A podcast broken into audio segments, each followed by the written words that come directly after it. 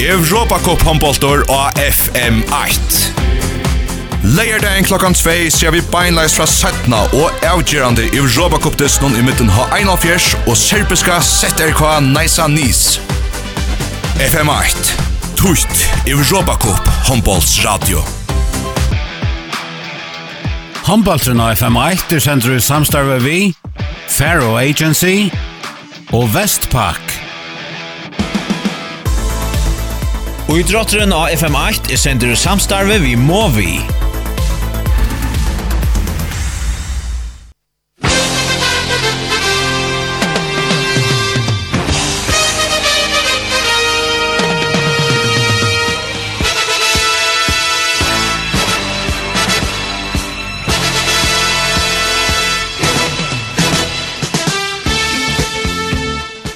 Velkommen til ein stóran altjóa håndballsteg av FM1. Klokkan halvkan åtta og i kvöld så er det fyrjar Italia. Her fyrjar er og Underdogs nu om uh, ett lite kvarter så börjar sättna åttonda parsfinalen mellan ha en av fjärs kvinnor och Naisa Nis ur Serbia. Här Høyviks kvinnor har en av 932 och 832 Leslo. Och här män i höllene av Halse, Ero Sjurur Hildarsson Høydal och Andreas Eriksen. Välkommen till Bayern. Tack för det här, Herre. Ja, så bjöd vi välkommen till en en håndbollsdag og håndbollskvöld og FM Mart og vi var med at uh, känslan ta kvöld i ena för det just för att vara alltså inte friare än att vara jag kväll. Jag kan bara säga helt kött Andreas, uh, är du kom konfirmad på?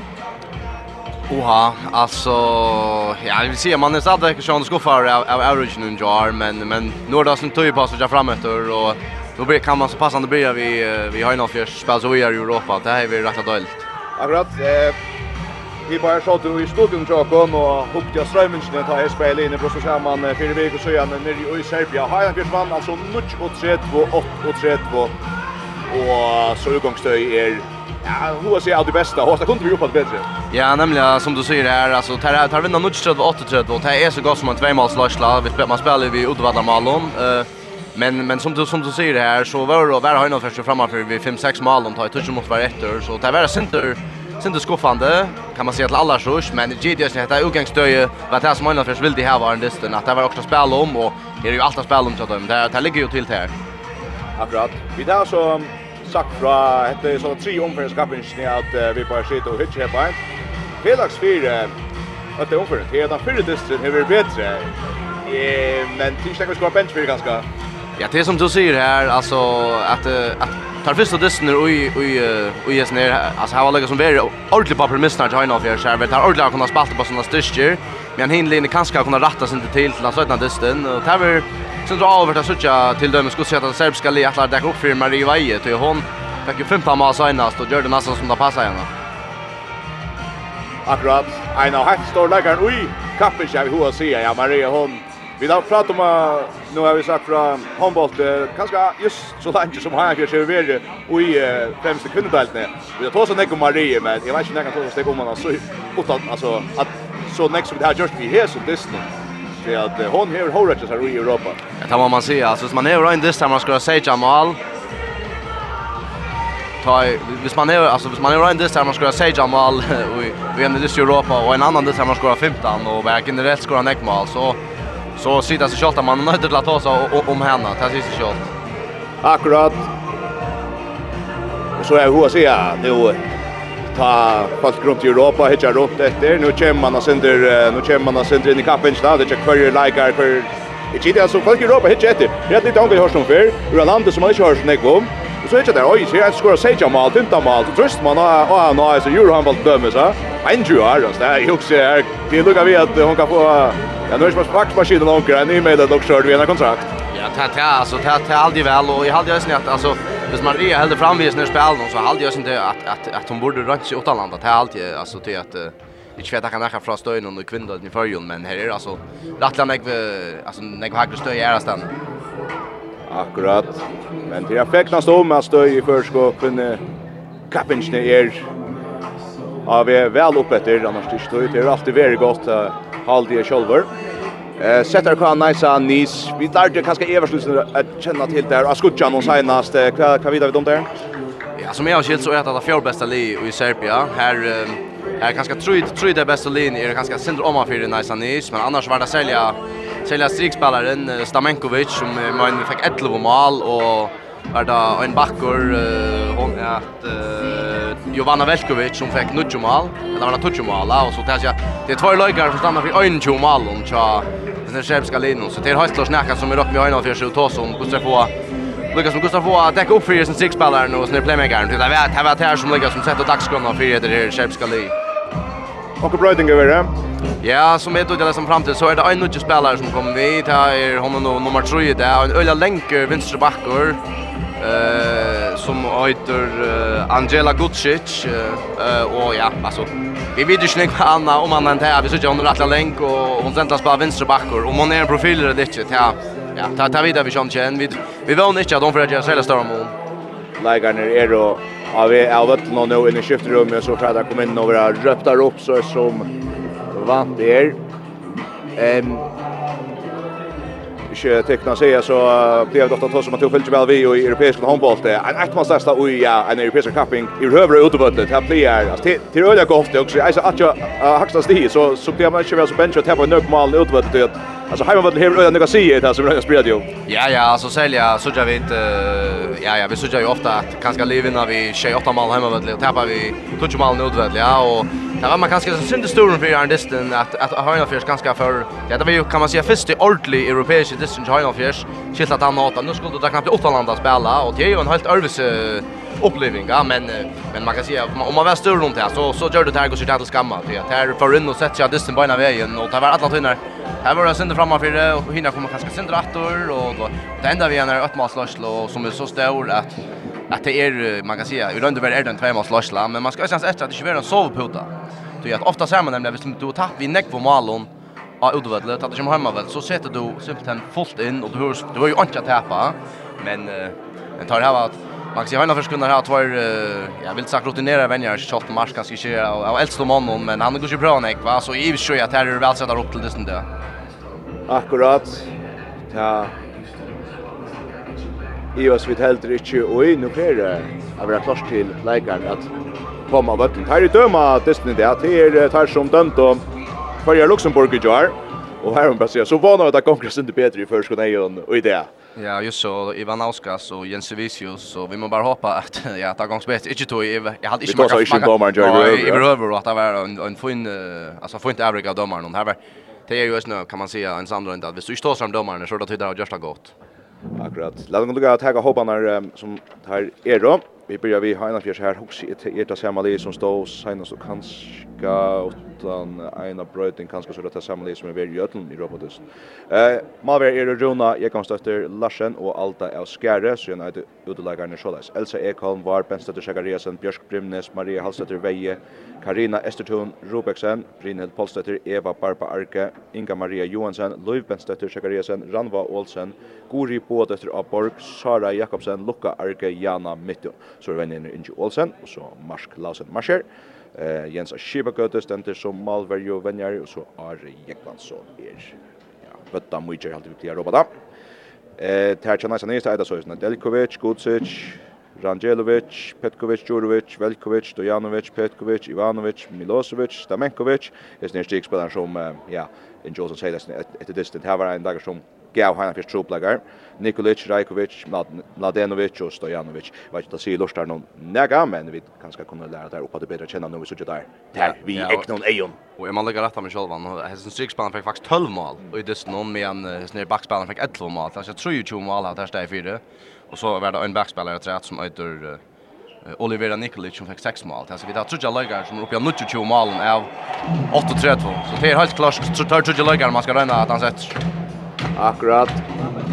Så börjar börjar lägga pressen här i höften av Holse och tar mest jag lägger nu Monovera. Ja. Rätt och satt och gott nej. Kan man ta vid det? Vad tippar du? Ja, jag tippar en hörn av jag ser. jag lämnar optimistisk och jag hade helst man nu grund till Anna alltså Kjalt om vi kan ta oss om att Hanna först ganska kunde haft skapsarbete utgångsdöje men uh, Angenivium till att uh, ja ja, jag vant att Hanna först ligger där lite där. Kan för vet att våna så kanske är snö ja. Onkel kanske väckna kvaja sin drog blåst tror jag ja först kommer bara som är ganska sitter.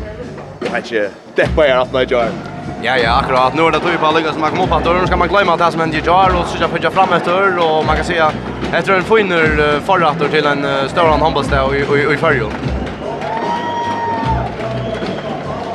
Så han kommer där här den här. Vi känner Maria Veje. Leili i vatten. har vatten. Alla gånger runt vi har gav på så. Det är slags vanligt det man så köpt några gaver. Det ska vara sin större vanligt. Och jag får ta av. Jag vann blev man så jag kan linje här kanske någon vimpel eller ett landa. Jag vet inte ordentligt vad man vill som påsan om. Det man vill avkosta som som representerar till till Lima man man kämpar. Ja, det är väl rätt nu. Eva där stubinarbond knut. Vi såg någon stund. Eh, och bra vinner. Hattar Spigarsmeister, vi kände där, vi lärde att känna från Höjvuxhötene senast. Vi har likarna röpter upp här. Eh, vi tar sånn Nico Marie, annars nägar likar tja här först och vantar för en stor like till dem. Ja, man kan inte komma åt honom Jan och Mittun. Det är lyckas som tärboar som jag har haft Ja, jag har stått i fyra största parten av alla spelen i Heinolf Fjärs. Här har trätt man man vågna gusir att omkring av Heinolf Malmö, Heinolf Fjärs Malmö med de avvägen och fär. Här har synte bättre fattigt det och inte minst värjan vi säljer vi Zakariasen, Tvilling och att det lyckas som värjan fär fär bättre fattigt det att som att Matteo är det största fokuspunktet till Heinolf Fjärs. Det är kus man får rätta till i värjan. Nu tror jag mal fär man inte görs bättre. Så kan man kan man diskutera om några ting som man kan köra som inte kanske inte vantar nu känner Lini och kan annan. Alltså man man var alltid rädd att komma vid omkrons mitt i ganska inte inte hur säga men Algenium att välja normal mer det är viktigt det. Akkurat. Mycket tredje mål är ju vart alltså är också ta ta det ta jag ta det vunnit stäva kanske så så där kanske jag för att nu pratar på Europa. Så ta för aldrig klart. Så jag har det första något till det mål. Vi har så fast av kappen där. Ja ja, alltså det är till ohårt att ska något till det mål och ofta ser man kanske att det blir kommer kanske flyr mål i man får kombat en för jobb att ja och det är som ända något till 8 sätt och ta joar ja, ta jag nästan som det är till en upptur givet var det nästan Tölnen nutsrad vatsrad och jag nu har vi har någon Fjärs lagare med röttar upp Ja, man tar där om att det sås lite mån. Här är Ronald Larsson, Elsa Ekholm, var Zacharias, Emil Brimnes, Maria Marie Veje Karina, Estertun Robaksen, Brynne Plåstetter, Sjönberg, Eva Barba Harker, rømt opp. Alda Skärre. Malverje, Inga Maria Johansson Söna. så Løyv Benstøtter Zachariasen, Ranva Olsen. Bor i både til Aborg. Svara Jakobsen, Luka Arke heretter, og så Jana Mikkel.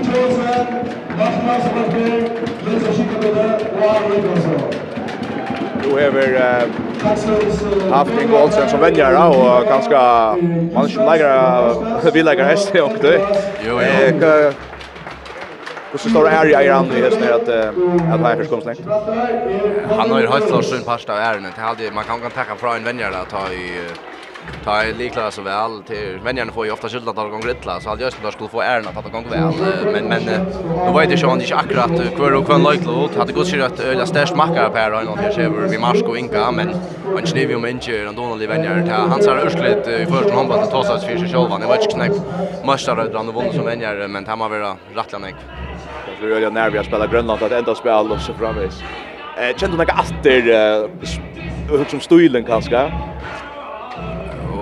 Och stilen, stilen alltså inte alltid dant väl här liksom denna. Alltså han kanske ja han kanske alltid dant väl alltså som som spelar John man går ju alltid oftast när man ränner i fjällen. Jag vet inte om det är några smala för spelare när Det slappnar att göra men man man går ju runt sina bräcker och man alltså inte vill gå så alltid ha en orskan i läge att du ska kunna köra fotla färra Ehm Och jo, vi känner kanske att efter att uh, Injurius nu ofta ganska spelar rymda smalt.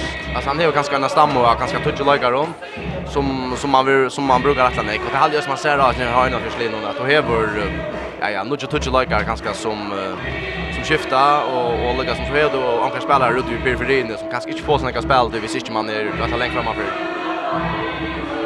Jo, gjøre der seneste herrobe, og så får jeg der kjenne opp en ting om hver byer inne, og man hadde fått vite just hver byer inne. Og det er en tvøybro av systrene her. Her bor et kjent og vis som Lenko Armon, midt fire. Veri legger alt sjå støy etter håndene, Løy Benstøtter Sjekariasen og Var Benstøtter Sjekariasen. Sjøne for Randa Olsen blir av vinstra vondtje. Runa Larsen fra Birja Malmon, Jana Mittun og Maria Veie Birja i bæk kjettone, så tirsdag vi har løv som fyr Jag vill att samma tajmen i alla på ja. Ja, det såg Janna mitt och börjar ut i Värjestö. Ja, det såg väl akkurat det samma faktiskt nästan som som där var i det första dess någon ganska undan till att jag menar Maria där skiftade ut och i och i Värjene med en och ta ta väl sen avvart så känner ut i Elsa Ekholm fick en sån tjejliga början ut i dess någon. Vad kvar då sen kan långt att han har touch minuter och ta Ja, det var kanskje også en grunn til at uh, at Verjan ble som hun ble, kanskje at han man uh, han man missar en uh, en lagare som som han alla ska täcka rätt mig. Ja, det er ner i gang. igång. Sjätte åttonde parsfinalen i middelen. Heina Fjärs og sett Naisa Nice Nis og i EHF European Cup. Hainan Fjärsen vi vid og Larsen i mal. av vinstra Vange, Ranva Olsen av vinstra Batche, Elsa Ekholm.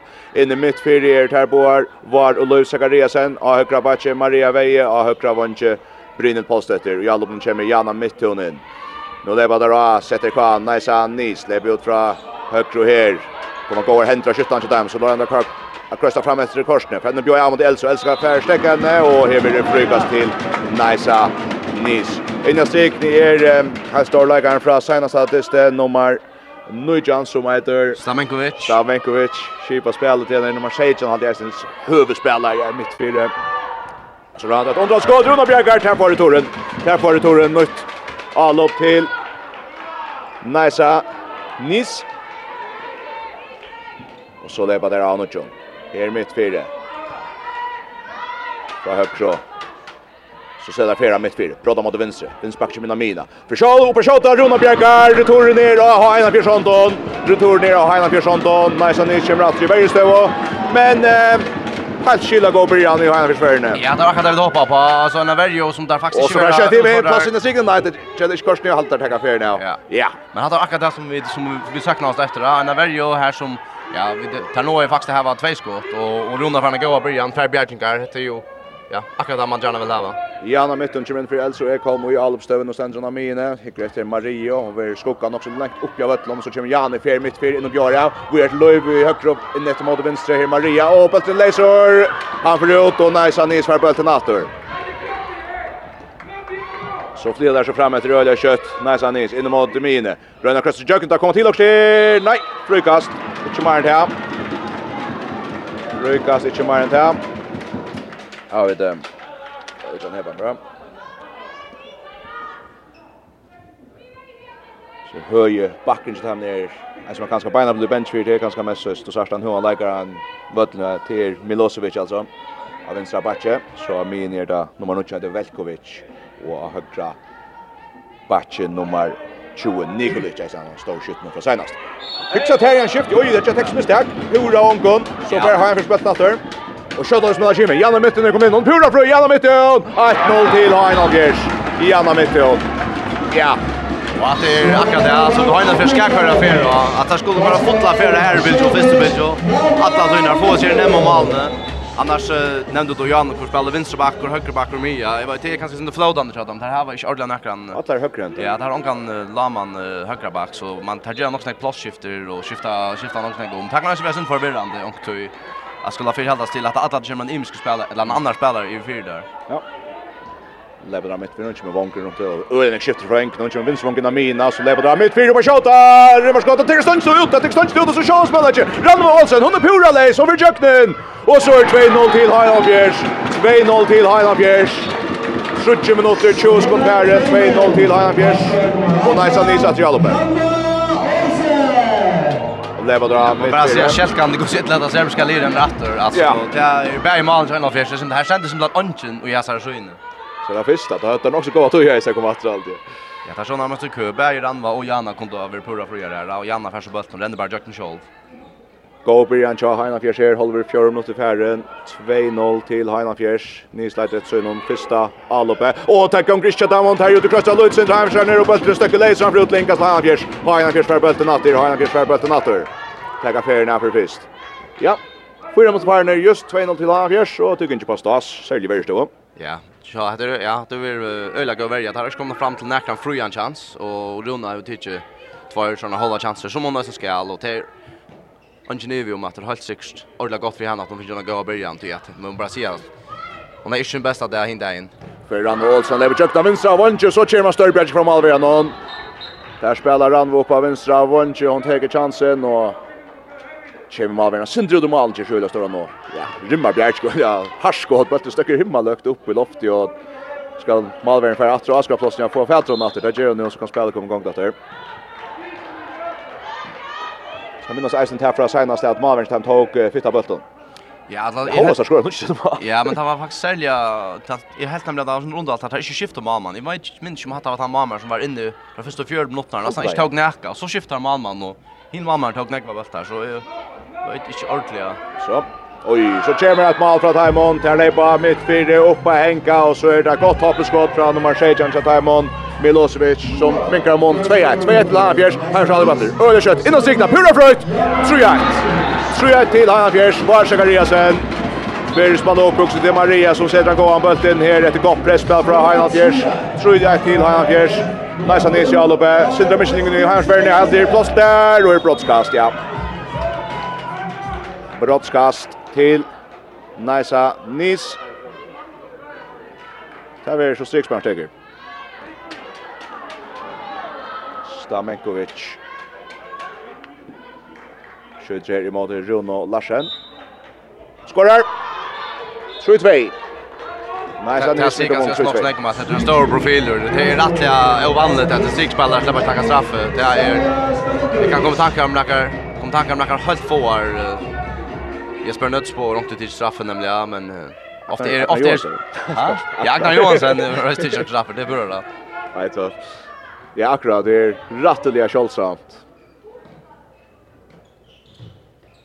Han för sig aldrig efter. Jana mitten åt högre så Leiber Loiva Stefan fram första läkare och så vill de tackla Helder Harley att han ska jökna den där en brottskast till Hajan Fjärs och utvisning till nummer 6 Jan Chan Naisa, och Naito Milosevic som skorar igen. Ja, Luisa Gariasen här Kjøs nek plåstland, man får inn og vinner sin Twitter, så slipper Jöknen, så vil hun takle her etter. Maria Veje teker brottskastet, Malen kommer rett lengt ut ur Malen, men hun skjuter under bein, ja, og skårer. 4-2 til Heina Fjers, Maria Veje til brottskast.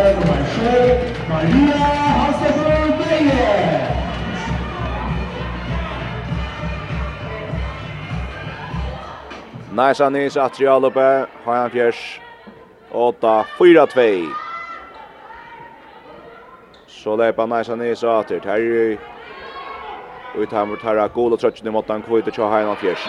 Dra av vinstra bache Maria Veje fær och pakka leikaren inn in här. Stäckande turasta her i frukast til Najsa Nys. Vi är tidigt här. Lever dra. Fyrst pressspelare högre. Det var frist fra Vansson. Så rannar kvar bättre kött vi. Jim Mitfyrs, vi har Michelin sett av mån, og der Ivar Støyde kommer hans domaren opp, det er press innat fra Vannsnatter, og inn i vergena, og goa taklingar fra Ranvo Olsen, brukas til Naisa Nis. Så lever drar lengt ut fra på skjota, oi, rymmarskott, rymmarskott, og til strikspilleren som skytter. Så får nu det backshot och tek skott ju hamnat upp i hotlet. Ja, det är alltså inte en vanlig strikspelare. Det var inte ordentligt alltså. Ja, då blir jag också på det där här innan stricken. Det hade varit öjligt backskott alltså. Ja, det var inte inte en skottstånd och huxar skulle vi så stor vant jag för men skott sitter så mycket väl. Ja ja, det är en kniv om att det är den största profilen så att de så tar det välja att han ska köra banan. Så går han kör ny tal spel och Rand Wolves som försöker för bulten i mål i Hås Malver för Petja bulten så stökar resten i mål. Ger kött av här och han ner. Rand Wolves skorar till Himtroi. Himtroi till Ha en av Och Og Ram Olsen som långt och finns ju flera utspel i det, och fick i Serbia her, Hon fick fikk, hon fick ett ett utspel och Ja, det brände ju tyvärr, men uh, gå Brian känner just nu.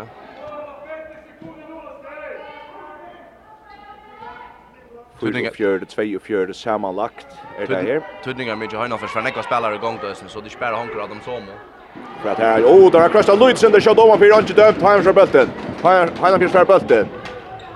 ja ja, marginalt skott vill jag säga. Kanske hon vantar om för frukast där. Ja, ja, det hon sa sin med och hon har kanske också så frukast och jag hade hon kunde kanske finna ett det är när såna bulten hon alltså ja, ta kan lucka skott i för frukast och tog bättre för en av så var det inte frukast. 5 tröj till Hanna Fjärsson, han försatts ju Alve vid att spalt i 8 och en halv minut. Nästa nys ut ju ansa väl efter Maria Weiss för bulten. Nu får han få en korsne. Le bra från vänstra backe. Inom Trudja Melton Inom mot Werner. Janna Mytton. Kvar press gör sig ut efter. Ut i höger. Brinner det plats. Brinner i jöknen. Nå Malvern Bjergar. Malvern Bjergar. Malvern Bjergar. Väl spalt av Heinan Fjärs, flytta bulten, Atlan vinst jobban i högre, gott plås till vantje, men Malvergen ständer stinn här och i serbiska malen. Framvis 5-3 till Heinan Fjärs, Heinan Fjärs för ett mal i hästen all opp noen, og Neisa Nisa all uppe. Annars vill jag väl sett upp till Arnold Fjärs attor, alltså att Monker får en fina chans. Oj, nu är det en god chans här till Nice Anis. Nummer 20 till Timon så skjuter ju Alnio Brent ju för Jökten så slutar sig Jökten där av Öde extra stia. Skorar Mikael Mont till 5-4. 5-4 till Ajan Fjärs. Så gärna mitten är placerat. Han ser att han Jökten en så oj så stör Björjink. Jordan Chins efter Tja serbiska backen gärna mitten. Hon fintar sig Jökten vänstra backen och så Men det som avgör en ordentlig kom gång till Timon. Här måste det stanna. Nu lever det här framför Jauna. Nummer 9 är bra här mitt fyra uppe. Henka skjuter, skorar! 5-5. 5-5. Nice Anis över Jauna. Hollywood touch the minutter. Värna Stesson. Janne mitt en plats för alla vägen och i så snöjd från alla vägen och hötta spel och någon för vi stäng själv i några långt och fet och så 6-5 till Havjers. Ja, jag hade bara att höra öle tydligt för att mer det har en ska back för affär då kvarja affär i alla någon till att shot om serbiska Leo skor är nötla kommer på plats. Jämna sin affär och så släpper de bara dök mot hon är ju bara dök mot här så.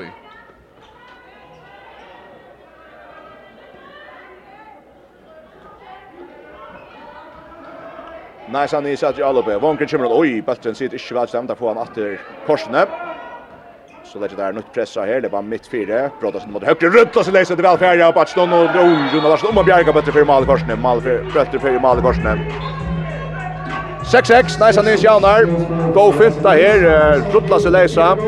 Mian Kjatheimon, som Marie her, plass i mitt fyra og prattna vägen och så skår han inte. Stussa bulten ner i gulvet, och så på en drivleggjørn ut. 6-6, og så kan Nice Nils færre alle vatter.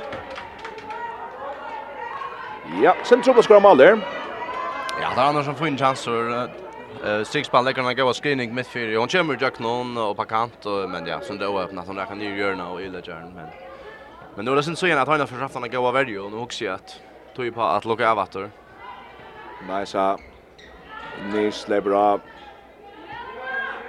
Och det måste vänster så inne mot min i øysen. Vonken tog ikke ordentlig alt av fædre bølten til oss her, til at hver er for en legg press inn etter, så blir han sunde leise. Jeg tror for at bølten, kanskje litt under happy etter. Ja, jeg halte den ene dommeren hoksa bare at det var ikke, men hint leide så frukast. Nei, så nysat jo alle bønner rundt der høyre. Det er et lydig trus, kommer ikke skyttinger innan strykna, og tar jøknen, og skårer vel. Stora skyttene, stryker plassen, og tja, nei, så nys. Skårer Stamenkovic. 6 tjej. Nice Nis åtta. första sin i det här, tjej 6. Till Nice Nis. Det har spalt i ett och halva minut. 5 och 4, 5 och 4 sammanlagt. Enda det jant, så vi er det hver skåra flest mål av utevøtle. Det var, ja, man har skåra som 0-3 så det skulle være trubbelt kjenne, så Nisa drøkket det. Men det er vel mulig, så som disse gong ned til. Nå kom det etter galt, så han fjør selv om noen. Bulten frut av vinstra vång, men han kommer kjørda fram, Bulten vil leise, nu får alle hinna fram at det røyna død tjatter. Fjallar kjøkken, det kommer om oss av kjøkken, vi stannar fyrir fyrst jætlu, det gjør det i ætlu, er i ætlu, så røyna åter av trea sinne. Skjóta fyrst. Nei, Høtta. Rutta seg leisa. Innan strikna til Abelten, og så skorar der. Og så er 8 6 til Nice Anis. Jeg tykker du har takket time out. Ja, skal Nice, ja. Ja, ja det er det Time out til Heina Fjers. Her i vent i hålen her, så fikk han at Reima Berjan. Og det flere målager at Øtjum lestene tjas her. Også vi var jo på 6-4 det mesta, og så her var det hina skorar 4-4 ram, ikke forskrev. Ja, 8-6 til Nice Anis. Til rettvis nye strikspilleren som... Uh, ja ja, hon hon gör öliga trubbläggare, hon långt skårar fyra mål, hästna mål och chansen när Sherp ska in hon så Det är åter ja, jag tycker åter det är vägen att ta som måste alltså kostar på en lockout. Ja, i målskyttan här här kommer lucka täga Tyr, Löv Sagaresen här har skorat ett mål. Maria Hasselveje ett mål, Ranvo Olsen två mål och Jana Mittu två mål till det sex matcher. Här gör Sjönan Skasa 3-0 Larsen för Tvärbjärskar. 4 Eh nice on the issue Velkovic skor ett mål och så är det Milosevic två mål och så är det sen strikspelaren som skorar ja Berg Brodskast och strikeball och så är det ett rymmar hopp skott utifrån. Fyra mål i Ronfinche. Nikolic skorar ett mål så gör det här. 8-6 till nice on the så Nu lärde vi gott nog att man ska ansa här öjligt i kjær, Och han kvötchen man fick ta att han är så här kanske inte så mycket tjänst där vi att han går runt om man får in att det. Här ska jag halta hade kallt det kommer chanser. Det räcker det jag hade det tuddingar bara kostar för att stäcka i vägen till att alltså hvis hit Lee skora kvar i affären så har du nästan många chanser att vinna det så har du ju rätt att göra när kan få lite näcken all uppe så det är först och främst värjan som där skulle som där ska lösa. Ja, här kommer det bli en för färden. Leipa drar här nu John Hamm mitt och Leipa mitt för bara framvis visst så länka bult ut av högra vång brinner i jöknen och bränner. Malvin tar bulten och så kan Nice Anis spela framåt Nice Anis ska spela framåt där Leipa där från vänstra backe och där vänstra vång för jöknen spucks det Rona Bjerga Rona Bjerga Rona Bjerga och med kör stanchen där Ja hon rakar stanchen men men det tackar vi dig Valet Katarina Ivanovic också till skåsa till fyra bjärkar. Nu har han förskorat sex färnar. Ja, så tar tar mig över. Stadion han var gavas nu. Han Bjargina men hon lagt alltså stanchna. Det är inte med neutralt här. Nej nej. Det här spelar då. Här Leiba Heinar Fjärsjär ner åter om att få möjligheten ut i vänstra kanske om att vara tråka ett stönt på Heinar Fjärsjär och krossa bollen och stiga ettast akkurat inte vara på Petra orga bollen och så här efter en tacklat han så fär krök bollen till sig. Alltså är kommer kom in och högra back. Spelar vi Jan och Maria. Maria lägger första press från Mine. Brönnast var Vojer. Jano. Shot up ut av vänster. Ranvolsen Jöknen skorar. Skorar. Åtta tjej. Har en förspinkar mål vid Ranvolsen. Tio mål där också. Öle öla väl spalt Vojer. Alltså som vi den på förra när fyrtalar spela. Alltså tar då Öle väl bara spela bollen Vojer in till in till att Ein blue free och åtta ändå då det gör vänster. Här leva. Nice han är så åter. Från Wongren krossar til Batchen i mittfyre. Så leverar fra vänstra Batche. Inom 20 meter. vil ha takla til Jemmes. Maria Veje vi går takling i Heina Fjörsvärne. Nice han är skall skipa av Anutjon. Bättre nu Amina. Bra där. In the mode går tackling rätt nu. Annars har vi inte känner till Velkovic. Batchen som nummer 9 som fick 11 mål senast.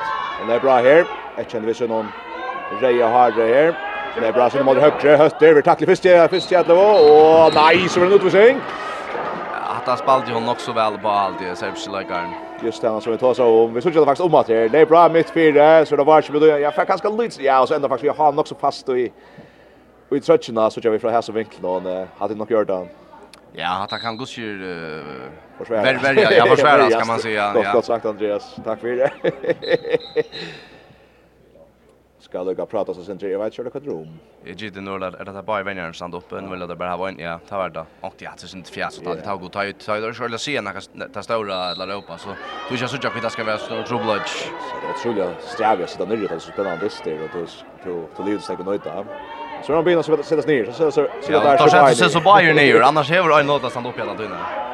Åtta tjejt nästan Nilsson kjollar ut fra och att det rymmar hoppas och skudda vinstra patche. Kommer in i mål till vägen. sätter ganska näka flat och bötter synker. Iver inne vid ståndsta näka och Gjöjb. Nutsche tjejt nästan Nils. Det är kanske test vi det största omlaga vid. Det är ju kanske äcklig hoppskott nu.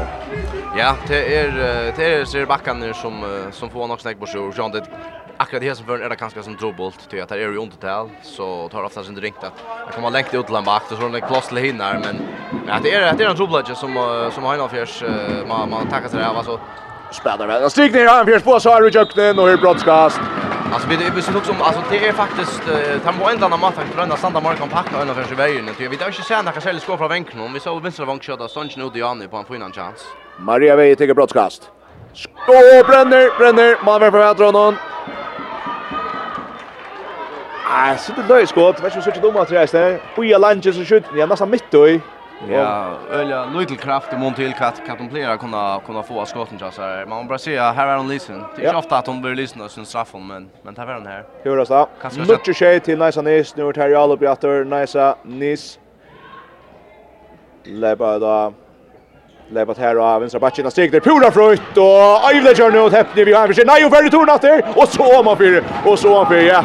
Och ska skunta sig öda på Petra och tror de sätter om man för och Malmö sätter ganska Alltså det löj ju placerar om kan se det så där så ska så få någon på Malmö kan inte röja efter. Att han var bäj happy och happy och i ögonen så att de får bara natter så där happy.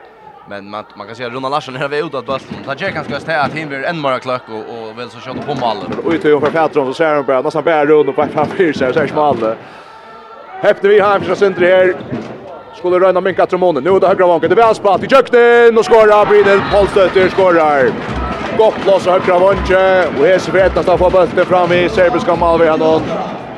Han försminkar ner i 28. Vackert Så Skjuter så passen bort för point för att jag mamma någon. Så eh Så test test släpp man ända så då mamman hette. ja, nästa kapping där så får man utvisning för att mamman hette. Men tar det så som bröt att straffen gör ösn utvisning. Annars här det är ju rätt. Och så kör här text mistake mist med vi pratar några andra genom mitt och pratar med Charles. Bjalla går touch touch.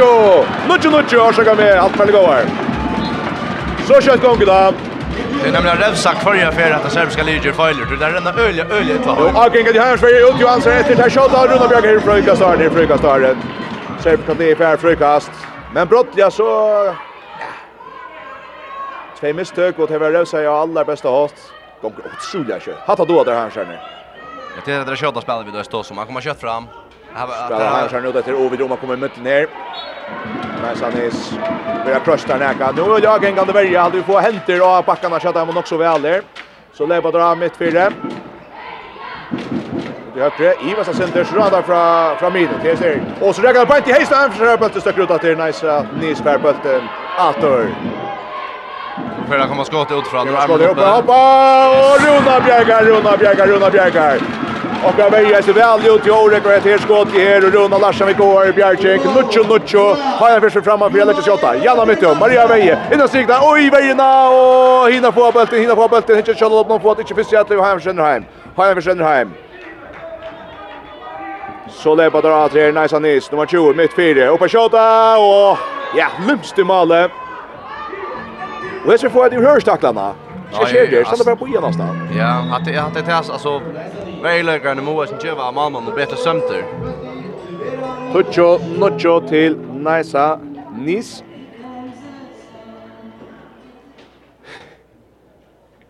Har jeg fyrir aldri bjatter. Kom han øyelig gengri høtlen her, da her skal bare jævnlegg, nå takna jeg, så kjent at. Så vi gjerne mitt, og bryr sjøkken, atter, atter bjerg fra Malvian, atter bjerg fra Malvian, bjerg nummer 6, halde vi få til her, 6, Tutsjo, nutsjo til, Naisa, Nis, Hajna Fjers. Etter en god løte her, da finner Jauna nå er det etter. Naisa Nis som hever reiser til nøye stedsnån. Fæder fram i avlopp. Det er nummer 20, Nikolaj Kiva Spjale. Så han har vi nummer 16 her, fra han ikke ut fra, krossa vågjere. Så kommer Mian av vinstra backen nu inne mot Amini. Atre Amini uppe skjuta och vi får bulten, har försvar bulten. Och blir väl Orek med här skytten, chasser på och så Per Roda Larsen fädrar bulten hon. Touchen och Joe Hainan för fram Per Jana Maria, Chairman mot Vejner på nu, så får mot vänster, hickar till Jana finner inte Jim Jökt, nå över Bruksta för Fryka så just där när löser skott i mål. Tjum nått i farner, Avesner, EHF European Cup, det er noen åttende parsfinale i midten Heinafjers og ZRK Naisanis. Heinefjers hever en eittmannslæsle viss her ur Serbia. Og nå attapir vi en her, at han har 20 minutter i fyrjo. Janna mittun er bra, inn mot Vern, ut av Vinservang, Granna for jøknen. Rønda av sin sindrer, presser fra Vins, inn mot Mine, Marie, underskott, Malvern Bjerger, Malvern Bjerger, Peltestøkker ut, og ter på Petron, og hinner på Petron, hinner på Petron, så fræder kjøtt fram til Tergolo, Leva drar mitt fyra. Och på skjuta om man fyra, om man fyra, om man fyra häftig vi har en fjärser. Per Georgia. Ja. Ja, det var faktiskt bra vanligt skott. Ja, men att också häppet det att han släpper öliga längt innan skjuta. Helt än att tacka Sandra Hatt och rena alltså att stäcka dem till att det är som vi sitter jag tar som där renner sväl men där har nästan kommer rymla kött fram efter. Det var bättre renna renna ja, ju all open en verio. Tucho, nucho till Nice Anis. Hajna försöker att ta jävna. Maria Veje, krossar upp in postötter. Inne pressar här Janna Mycklund. Kött ut av vänstra hången. Vans mot Ranvo. Skorar! Skorar! Ranvo Olsen. Tucho Tucho. Jora mål till Ranvo. Lucho fjärde åtgärder sammanlagt till Hajan Fjärs. Här lever Naisa, Nisater inne mot Mine. Benstöder Zachariasen. Tvipurarna är med värde på att stäcka i fällan.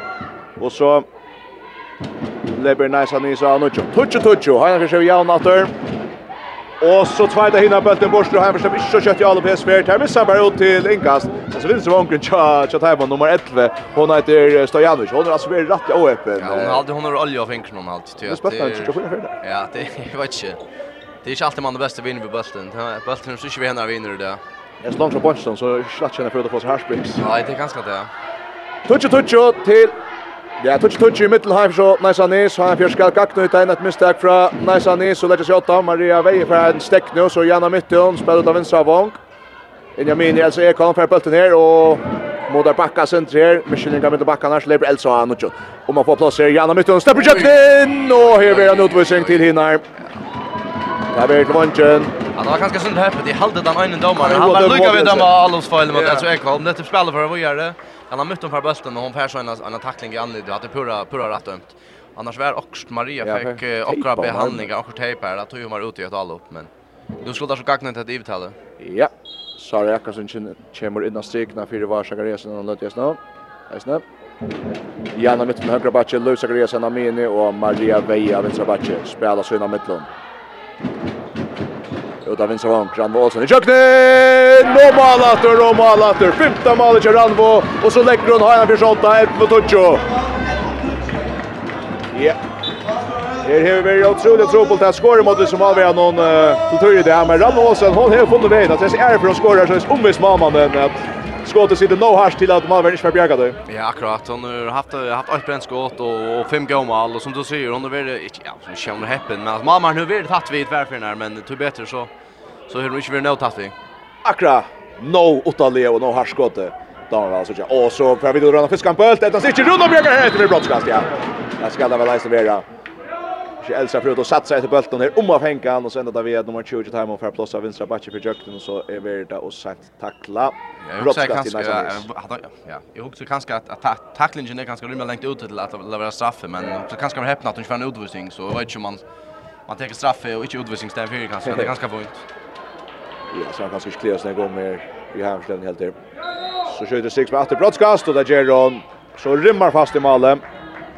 Fymta målet tja eh Stamenkovic av strikne. 11 11 i mitten. Heina Fjers og Neisanis. Holtrush nu fjørde samanlagt. Heina Fjers vann altså 38 38 og i distan i mitten linje i Serbia og ta snur som å vinna samanlagt. Verda jevnt så er det Talie som hever skora flesta utovølle. Her leper Janna mitten fra plass høyre og så skorar han.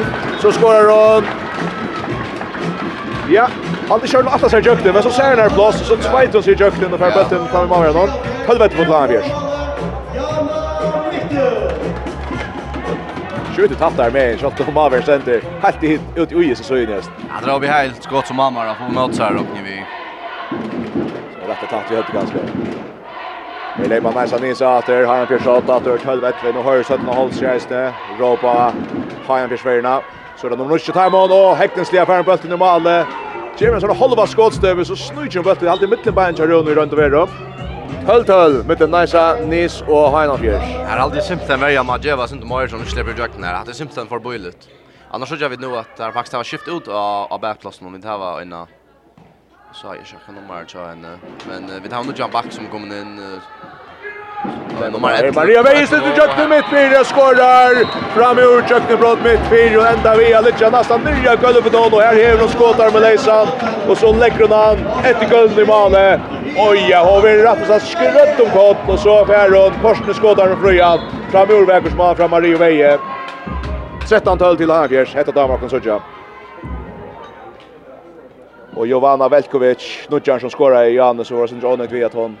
Och Sjöktan stepper till skott och Persson till mål. Hon vill så vissa vöttliga att det fyra så tacklingsna. 13-12 till Heinland Fjärs. Nutje vinster vanker kommer ner. Spelar där uppe mot Minus av vinstra batch, Elsa Ekholm. Väl fältra backen chatta var öjligt tvidigt så här mitt. Jag tror att nummer 2 hon hon läkar sig alltså och gör det så sånt att dömaren vill inte nyttra av oss nu. Nu stannar där bara uppe så spårningen om ja, nu sett matchen ner att lägga för. Han till domaren upp här och så där Krösta. Nästan ner shot ut ifrån Runa Bjerkar. Här plats fram ett där där det blir passen till Pura Fröjd med Wien så för Charles Karsten över Krösta sin till försökte skorar. Kjørstrand höll till Hanna Fjärs. Och här är rätt innan det från Eltet. Och sen ska Lidl köra hem till att Det var öde gott höj. Brinner stod på i en sekund där framme och bär om bulten och så fick Ja, ja, alltså det är så jävla ejsökt att här skulle bara köra färra och straffa förra för att Liger fejler. Tror det så jävla tuddlingar mycket man har bjärgingar som man kan komma kött fram.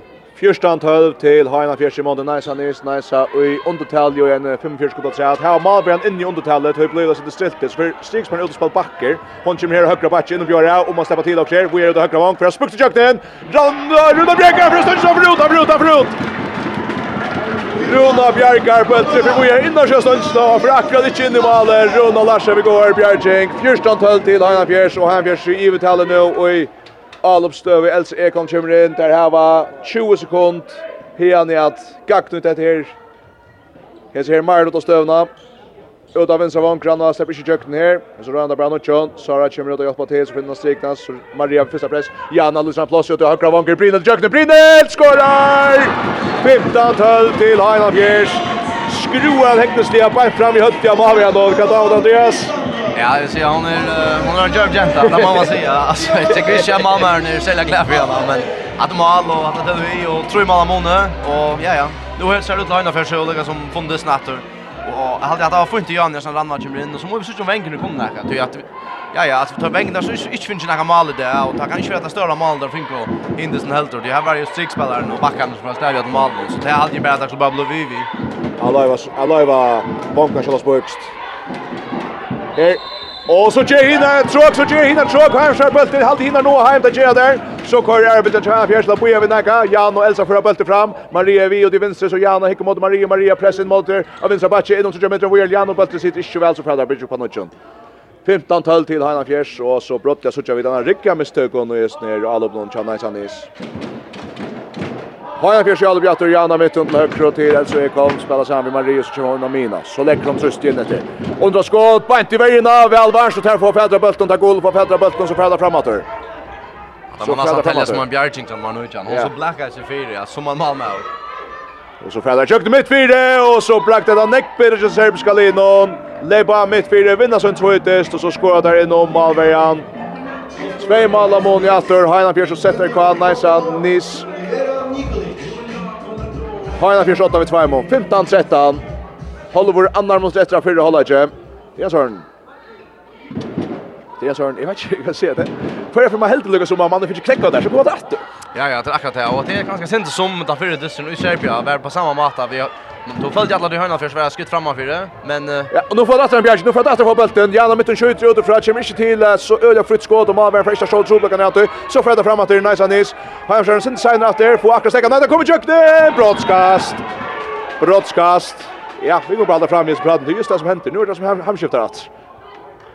Ja, ja, alltså det är just nu Nudjar, hon har problem med. Hon har rymna gåan för sig och hon lägger som labra kant och ja, ja, tack. Tar klarar sig stäcka nu ja och hon finner flera straffer. Jovanna Belkovic, ja. Det är det där. Det är sex på nästa värde. Hon hon som heter Stamenkovic skora fem mål. Nu ska hon röna sig vid sin trea brottskaste. Alta skär kommer in. Alta Björker! Alta Björker! Alta är skär vi Björker. Här kommer Björker. Kars kommer Björking fra Hajan Bjørsmann ved. Så fer han ut av bunchen atter og fer legger han fra øtlen og vi legger han øtlen og venner og... Jeg sa kjøper godt, og jeg gleder meg over sammen. Ja. Mammas venner. At det er... Og så hever han Fjers 20 sekunder etter av fyrre hålla ikke at öka på tre mål. Där tar kom vidare till ettan. Maria leber av midt fire. Så krossar han till Elson. När Brynne deres kommer rundt. Så at han vill vinna från Granberg Jönsburg. Skorar Rastor. Ranmo Olsen. Tutsch sekunder etter att fyrre hålla ikke 16-13 til han Fjers. Ranmo Olsen igen en rymmar om skottet. Och så från Nice. Där ska skjuta nu. Vi skal se efter. Där skjuta. Runa Bjergar. Runa Bjergar. Hålla går. 16-13 til han fjärs. Oh my. Och så så vi jag hade vi för att ta prata med hade bara Jan Andreas. Heter Gongra sent att fram. Där rullar hända en handa vägen men där hur rullar sitter långt till här fjärde sitter oftare nu har jag försökt av vi tre minuter fyra mål och sammanlagt ett ett tvär dyster. Så jag gott ut men han stövan här alltså nästan ni ska minka ner i ett mål vi brottskaste. Allt är skär chimren det vill ni skottet för fjärde och så gacknöter har jag förstått upp i hemvägen såna större damer man väl ta man, ta man alltså, som likar guys det. Just. Sala, jag mig också Sala Lea. Ja, ja, akkurat. Och vi kommer kanske att dra sindra paralleller till, till distance av fire mot Luxemburg och Jar. Här det var sånt omvänt. Här du följde att, att Färger liksom, som hej, hej flöj för den chansen, ganska färra fra och komma åter men men simpelthen brände såna chanser. Och det har blivit så jävla dårst i sista. Och, ja, ja. Och nu, Det är go go känsla där för in vi till håller upp nu. Vi är några tror man måne och släppa börja alla och ja ja, det är 16 13 om vi bara se att Rona Larsen hon är stäj ju hela väl där så när allt hon kommer upp och shape bjärking där och till jag tackar dem med bruk för jag så vi känner allt och allt och ska som runt bjärka straff ja. Det var det som vi kanske inte såg i det i Serbia och vänkne. Ja, jag går ta kom fram bord. Det är så att börja vi ganska. Ja, ja, alltså man bara säga Ranva, hon hon har inte några arbete vi senast och i där finns sex mål och ja, man måste bara säga att Har har någon förslag då tror jag alla spelar bara bulten brött. Alltså det är ju inte liv som alltid då att alla spela spela spela utåt och alltså ja ja, det är Ja, vi tar så om uh, om Eisen där spelar. Alltså Maria hur finns ju hur bära i gasaren kan man säga finns ju två mål och Janna hur rymde Essen i fyra mål men det är Randall Olsson som vinner sex mål och och hin vankar blir bort så det mycket tror ju. Så det är det är nog mål från vänken och det är det är mer än hälften. Så det är så Eisen låter sig jag skjuta också, för mål. Ja, ja, akkurat. Jo, det ja, vi kan tacka matchen utan när Luka vet vi fick vi kanske vi fick nästa alla vi är, men var ska resa skora 8, Maria Veje 2, Rino Posta till Troy, all ja, alla skär skras vi Anna Bjarke. Ran Olsen skora 6 förnar och Janne mitt i fyra förnar. Så vi alltså alla skär för Anna Bjarke snabb, sen 100% allt gjort förskriver. Rona, jag kan sätta Larsen här så skras för Shay Bjarke. Malvin Hinner skras för 8 Bjarke i Jokon. Det är inte allmänt höll men det är F-matchen det kommer till stolpa. Sanja Stavankovic är toppskytten Chahin och Hånen Striksberg skorar fem mål men alltså brände brottskast här på 3-4 och så Nikolic vill skora fyra och så är det nummer 9 Georg Nostor men hon kan skora två mål eh annars nummer 6 de skorar två mål istället. Men 16-13 till Heina Fjärs och i Holladsson här och i åttna parsfinalen är Setna EHF Euro European Cup åttenda parsfinal. Jag vet inte om det blir det, men tack att de. Her er i Øtterfjør 16-13 til Hajanfjers. Det gonger vel. Vi vann at Hajanfjers spiller så vi er jo eisne for kvarta sin drøyblåst inn i første landstid, som er sitte særst sønnegjørt. Her har snakks her om Sarni, og nå skulle det her gjøre sitt dreier til Italia Det er som vi sjål det ser fra. Vi blir alltid her om en løte vi setter holde ikke. Og jeg kjenner det holde ikke stående i midten så setter jeg kvar Neisa Nis. Haina Fjers er 8, 16, 13, at det blir her for fyrst. Haina Fjers er 8, sammanlagt 5 altrush. En altrush, hjertelige, gode etne til Ter og til Tikkomboer, Andreas og Sjur. Ja, her er Satni Hollager just færen i gang til mitten av Heinan og och sätter kvar Najsa Nis men här fyrsök en galt och Heinan Fjärs alltid är ju den gärna till Hinar bränna fruktskott Vi kommer in just som sent i halvlek i början. Heina Fjärs vi bulten någon men får inte mål som missar där bulten. Sätter Kranaj som Nils för till Hivin. Och så gånger Hivin att Örjan och mitten bryter jökten. Just som Heina Fjärs all upp, Sen brattar vi en jökten men så skjuter han stånd nu ut. Öle början här av sett i halvlek. Vi har spalt i en minut eller så. Sätter kvar nice, Nils all upp jatter. Levodra mitt för här och tackla väl till Janna Mittun och så varsågod resen i fredags på att stäcka nummer 20 av Taimon som heter Nikolic, er en av Taimon står i 17, der skora 4 av Taimon, 13, nice Naisa Malmon. Så lever då åter, Naisa Nis, nu nutjar mitt 4, hon är, vi har sin tro på trobetjöken här via Gera, men eh, får släcka väl i första jättelevå, och så gör att det går tacken från Rambo Olsen och Bunchen tja Naisa Nis och Heina Fjärs. För att få ta sig i vägen, och nu Røyne Naisa Nis at Bjøa. 16-13 til Heina Fjers etter 4 halvleg, Ikke Maler, 17 halvleg, Vi har spalt i halvannan minutt. Levo drar mitt fyrir her. Shota og Blocken i fyrir. Og Runa lofta bølt. Og hitjer shota out. De finner ikke fest i Atlevi. Og så færa der holder jeg fram heldig.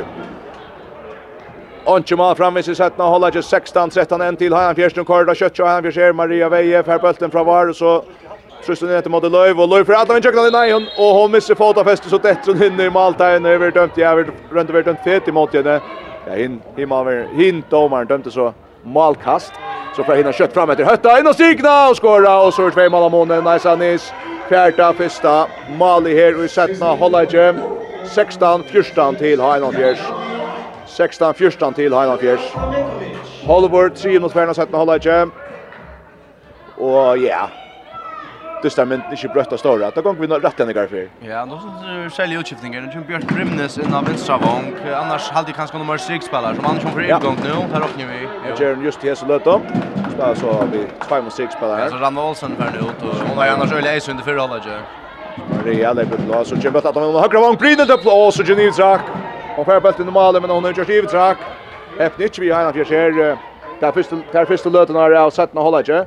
och nu kan Nice Anis att för minka ner ett malamone. Det har väl så se sammanlagt 2. Har han för sig 8 16 första men vann alltså den första testen 0 och 38 ända där Jon Jonon här alltså vi att Nice Anis skulle vunnit vi en någon just som han körde här nere.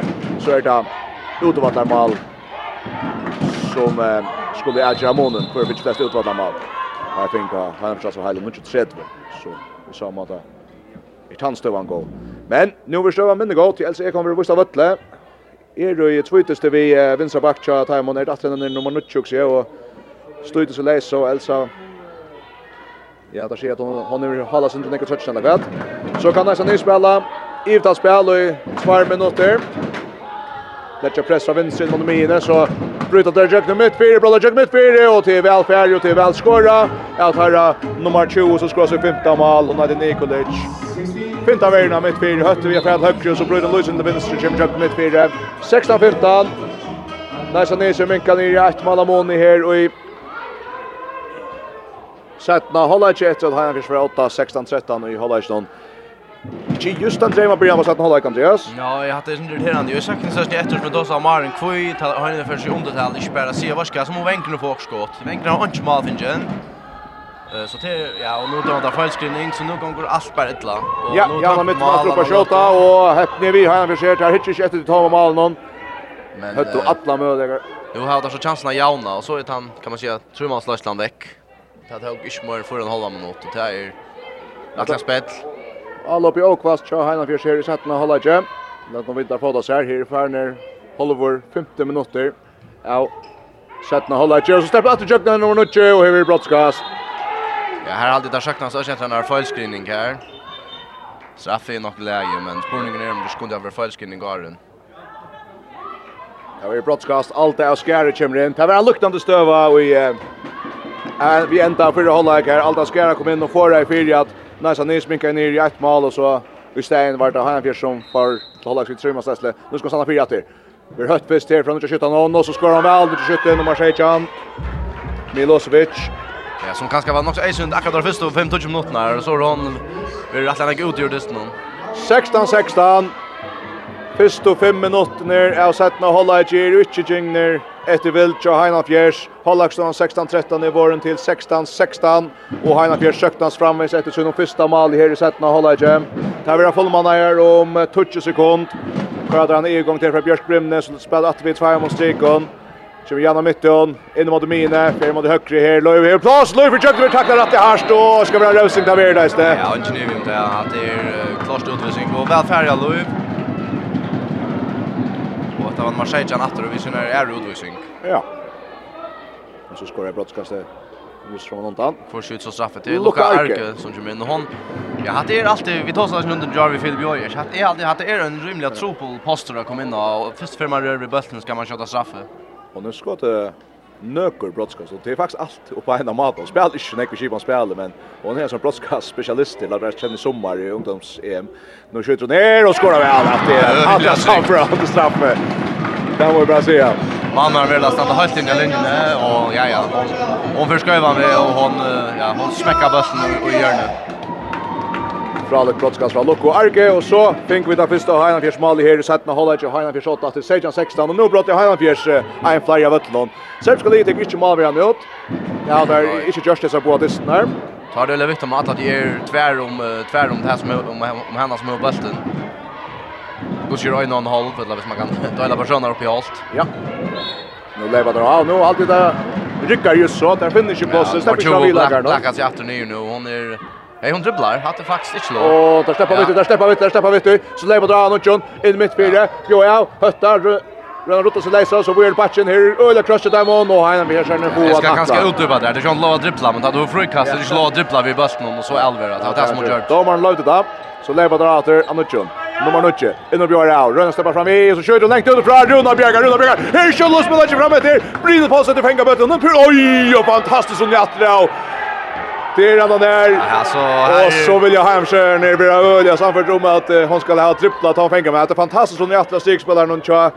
Nice Nis som för tvätts i mittla så Brynen i pura fröj hon för tvätts fram om henne och slir bulten läsan och jag huxar faktiskt att hon hon bläckas ner så att bulten bulten kommer på in ja. Ja, ger han. Ja, han har bulten skuld till hemskott vid frukost. Ja. Men domar ner så jag det inte.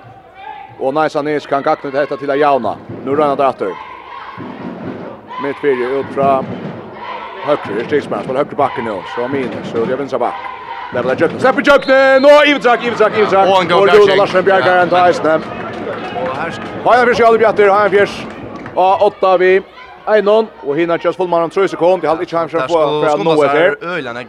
Nå kommer leikaren inn, ja, det kom faktiskt selv opp nå, Maria in mitt fyra, nu har han kommit i verre støve, hinn leikaren og Marseille Jens Taimon, Eitin Milosevic, huxar till bara köra henne någon gång. Nu har gått någon korsland ut av vanchen. Det är kanske för att hon inte kan täcka. Ja.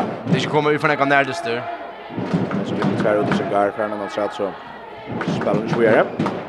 Sejan 16 till Heimafjärs, Heimafjärs i Albe. Bayern Fjärs har sökt oss sin rätt möjlighet nu alla på här sätta hålla ju bara finns ett nu på nästan 8 minuter. Leva där ut av bunchen högra vång Brina till jökt oj ju last Isak. Och det är på bara framför jag och se någon akrutt någon Bayern Fjärs spelas väl här så toucha det och så där alls inte alltså hemma har haft som domaren. Vi så att det sker för att tack bara Brasilien. Domaren drar tvär för Isak här åt förn. Till Thomas här. Och hatta var skiftrak. Det är ju om att det är öliga väl chansmynt. Att det är jättedött. Jättedött jag hade alltså som domare också alltså så är ju särskilt att de trackar linjerna så måste du simpelthen geva Alltså som även kommer till goar alltså ta ta ta ta nick ta shot upp bra Runa Bjärgar Runa Bjärgar Runa Bjärgar Där skjuter mitt fyra goda skott här är här är några händer som avräcker med skott i gott kors till Runa Larsen ständer fyra Runa Larsen Bjärgar så ska han för framåt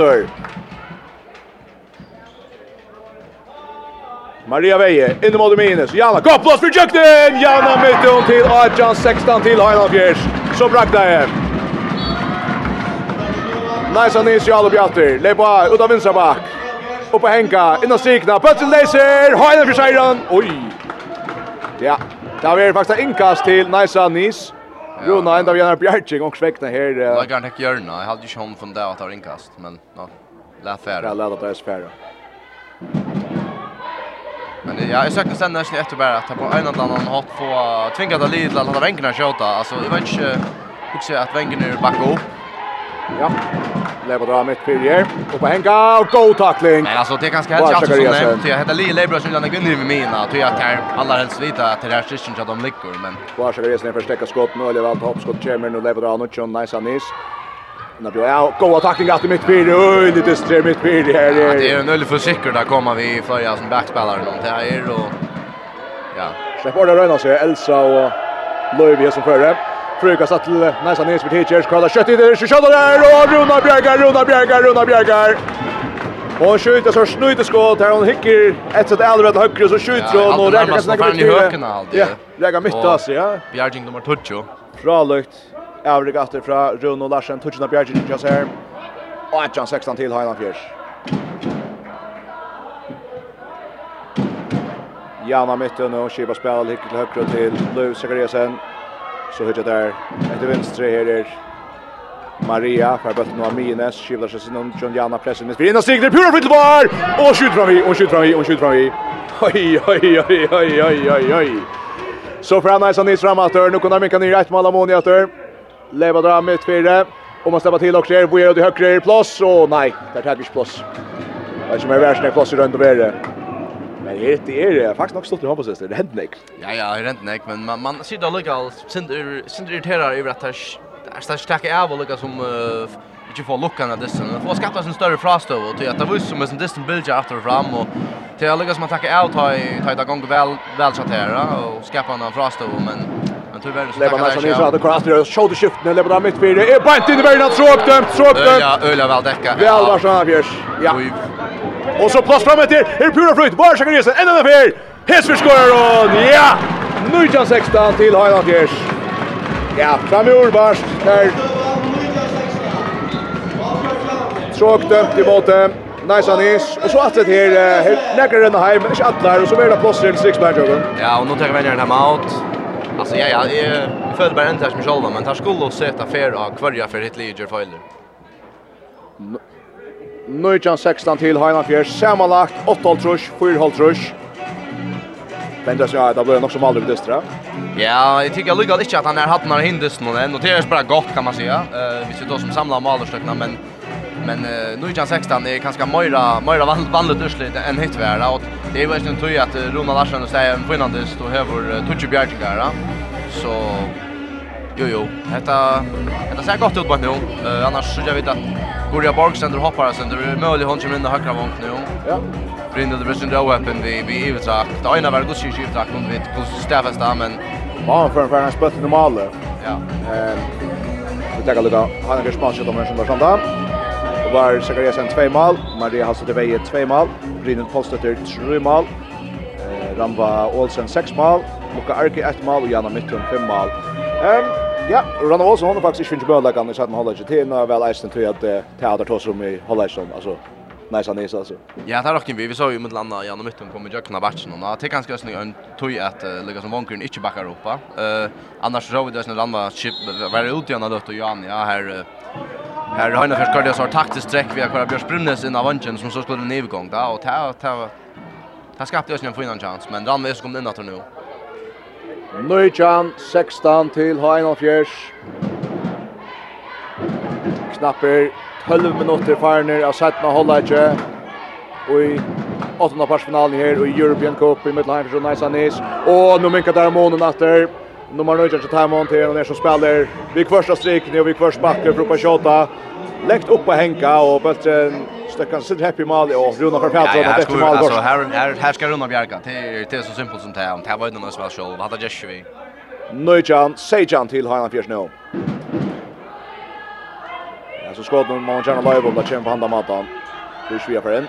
Så för Els Ego var skott ut från och förlängt ovanför. Kanske orkar skott i rätta stället och så får hinna fram att Fia Minka ner ett mål. För nya Minka i ett mål alltså. Det är bara mitt för för Så vi ska köra så kör mitten och bättre för ut till inkast till Nisa Nis. Där slir bulten Nisan och etnast akkurat inte hemskärn ta att få Fältron här efter det ut av Vattnon och i Nujjan Sejan till en av Fjers, Neisan Nys at Jallupen.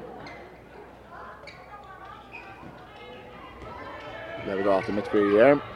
Ut i høyre. Fredda Kjøknen. Nå skårer veldig vel høyre vantje. Det er nummer 6 Kjøtheimon. Hun heter... Heter Petkovic. Petkovic. Skårer vel. Oi, og en Kjøtheimon kommer som utla fyrje her. Skal hjelpe oss av vettene. Nummer 20. En gode leikere. Nikolic. Man skal skåre fem fyrner der. Annars så vi det. Nå har vi kanskje sagt at Sundre etter at Svengre finner chansen til en linje. Ja, ja, hun...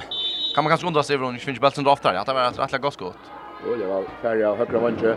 Och så är det att rätt Malamoni och ett är just så som vi har varit nu att det ja. Kött två hela dyster att det så är det. Här han försöker han Leslie och så mycket Lestland och så vonar bara att det som händer fram så så han försöker försvarar varvet Lestland då. Maria Veje här ut mot vänster Janna mitt under pressa Maria in mot det så till höger Löf för Jöknen Löf så skorar och sex sätter upp sig Öla välfärd. 20 til Heinar Fjers. Hetta Alu Bjekk på stas. Leif Zakariasen av högra patche. Bryter Jökn åtta sjöne. Att är så det halt till hoa täcka värna så där bollen tar bryter Jökn åtta åtta sjön ja på. Halt kör där vant då. Ja, alltså vi där tar som där för hon så ut till att ja, vad är som man säger. Hon dammar dammar väl att på högra backar alltså. Hon tror ju så här i går och hon kommer rätt ofta Jökn. Det är gott nog. Hennes första mål. Annars är hon finns ju fler mål är det ströst. Men hon har ju en öliga större lägglod i vägen i Östene, så det är inte alltid hon spelar allo. Världen är mitt fyrir här vid systrarna var, så spelar stryk i alla fall. Nu har Bett upp till nummer av Reiser. hinner på Petron Korsnes så drar han systrarna mitt fyrir och går tacklingar här efter. Kanske om räcker att det kunde varit en fet emot Nudjan Jataimo, men tar röjna efter. Da Stigsman kommer ut av kiva spel nu, Nu bryter imot i världen i Tjokon och var Sakariasen tacklar väl efter här. Der spelar så vi fem likar i allop någon ta där en färdig alltså ta så där tack inte malbärande ut och ta gagnar eller väl Heina Fjörsvärne. Det ser inte samfront ut akkurat som stöv någon men så så så kommer jag ihåg också om att jag har vi sagt något så ofta i handen så skulle det knappt jag lägga. Ja, alltså man kan säga akkurat bara nu vill att Herbergen här och Tyl ska gänga ut att det är utvisning. Så tar färd in och söker kontakt och lyckas som vissa så vissa så klara lyckas som att att av få senta skottas det så så är det grejer för det ja men men jag tar att ta gång du själva kött.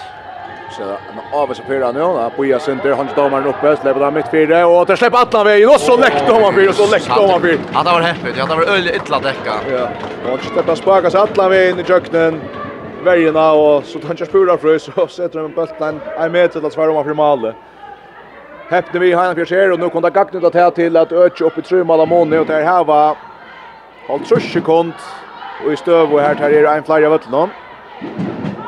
Var Nailo Sagresen Röjna tysta sönder finner Marie. Marie har plats och skorar! Marie är inne mål, där sanda platta. Ni och så Fyrberg helt in i, ja, jag vill säga, 6 meter, kjøtt hundra skott. Fram vid mjatten, ja, en lajka till att säga.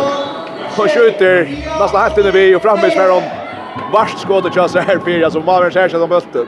Och det första skottet, första det första målet som man ju rätt länge tog. Ja, skott bara tre mål så här där han skorar alltså fittan när i Serbien. Brent så är broadcast brottskast här i dag. 21 Achan till Harald Fjärs. Nice Anis Atrialobe. Leva dra här mitt fyra så till högre. En mitt fyra åter. Oj, hon måste det Ja, det var tredje bland, ja. Ja, han släpper alltså Gerard där som spelar vidare. Oj, så god tackling här av skotthantarna tror Ja, det är det är ofta visst så så skjuter så länge så innan av på så blir det av frikast som som alla vill en tackling i armen. Men att det är ja, ja, det hade rätt dömt. Som man säger en god tackling. Ja, ja, hade akkurat det. Det är viktigt att ta få nämligen alltså förstår dessa skyttarna där. Ja. Ta där upp ju skjuta. 21 och 18 till Heinolf Jörs 14 minutter. Det var snackar allvar. Efter det snön. Armen var och nu kommer armen upp. Nu kommer armen upp. Det var då att det skulle kunna säga har brukt en fyra allvar nu. Och så tacklar vi. Så tacklar vi. Elsa är klar. Tack klara. Tacklar längst upp i mål. Och ska backa näck och gratta tacket till frukast det. Och ta fätar en kört ja. Ja, och tog en gång kort. Det här som kanske. Ja, ja, att det rutinerar ändå. Ja.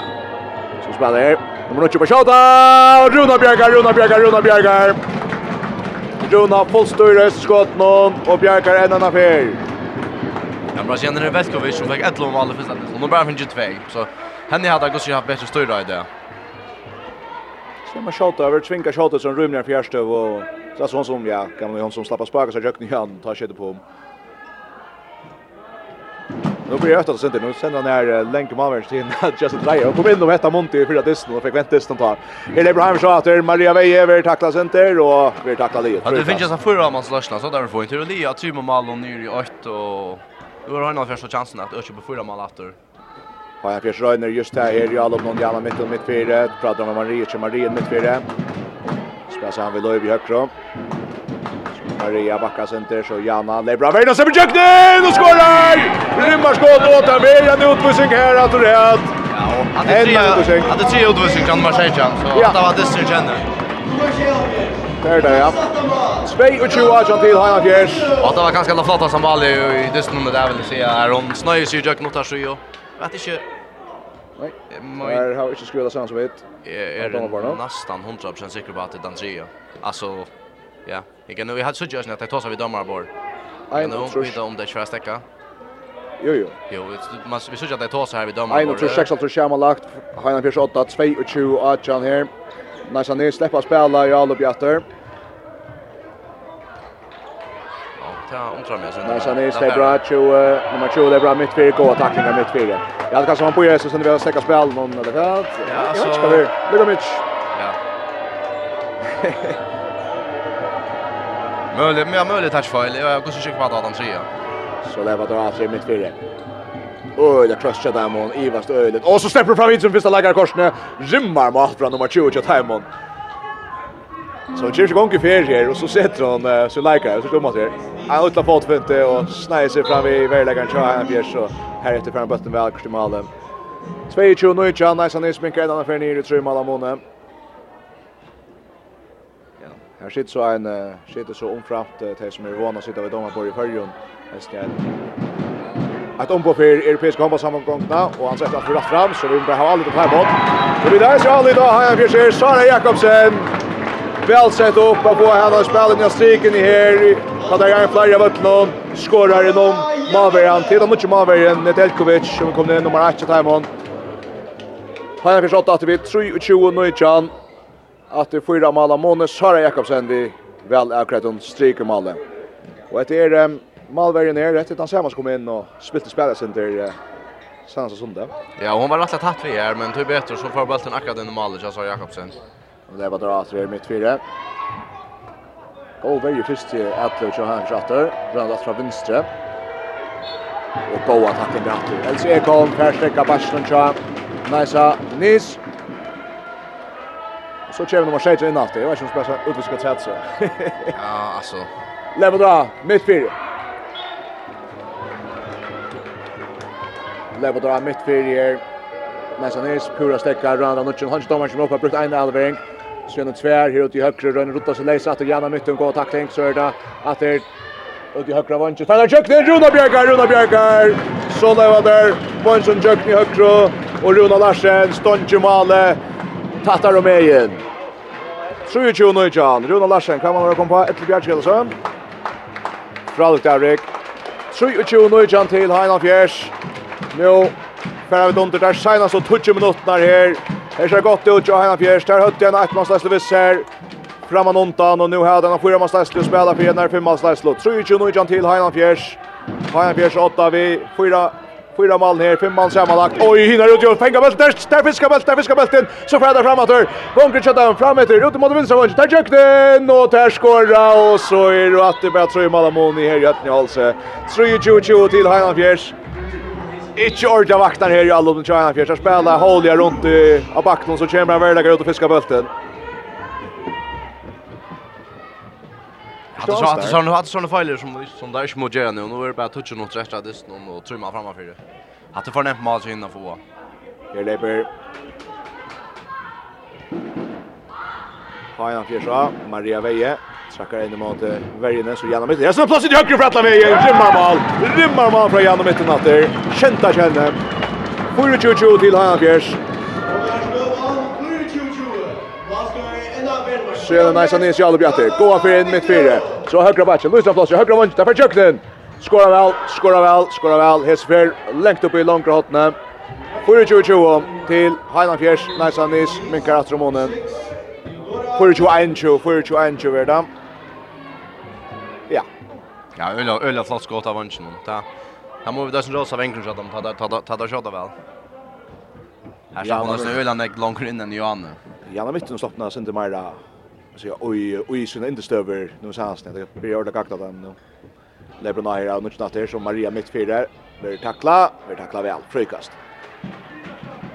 Och så gärna till att hon lever jag det bäja vänstra backe och högra backe så hon kan så snurra sig runt och sätta alla de chassar in med som är under hotell. Nu där Maria mittfyrare Nu är det Maria mitt mittfältet och högra vankor i Borg Pura Fröj. Loppar. Jag skall vara det gjorde och skora själva det. Jag är nästan år att se att Arren att para loppa. 25 21 till Highland Fjärd skora Borg på sin första mål i det.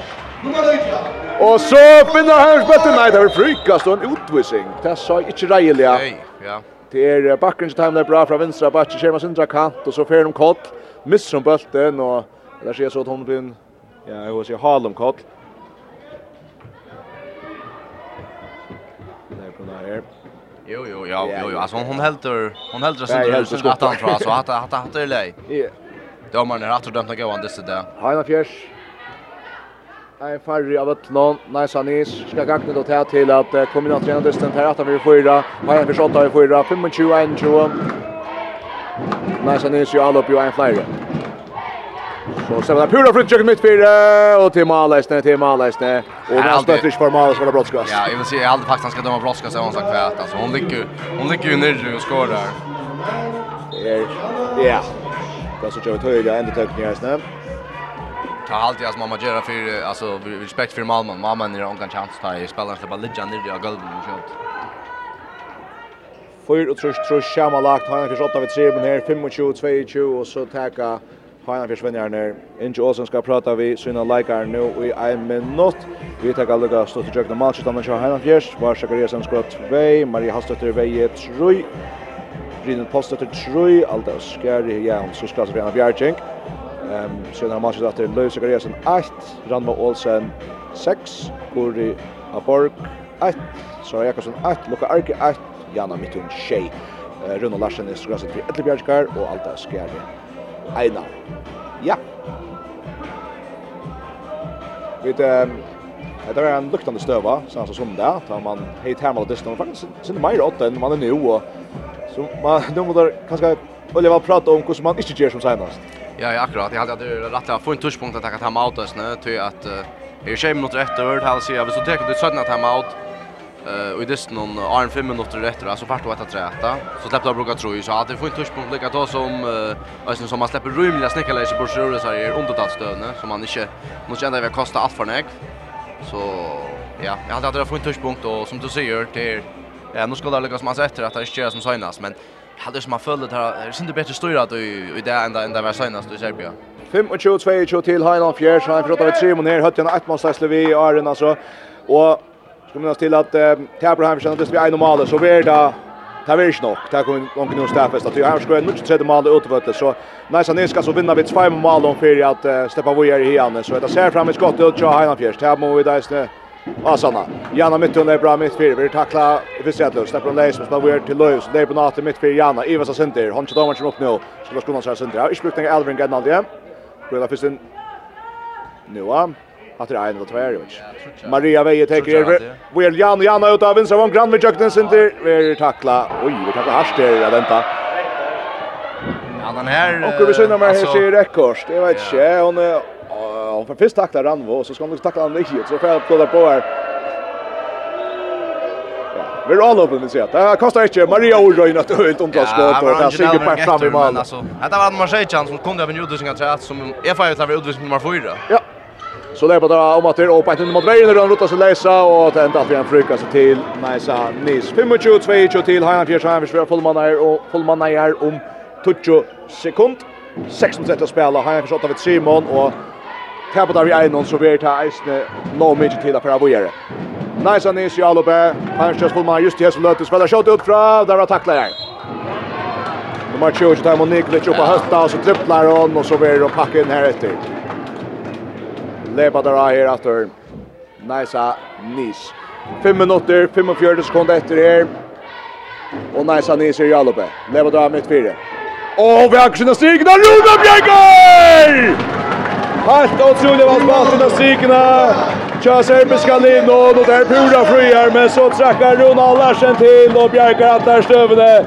Fram i Urma var i spil, og ja. Att öliga dejla där Och jag tar helt släppa att skora. Jag så flott mål i stämplet, jag så flott Bjergjink.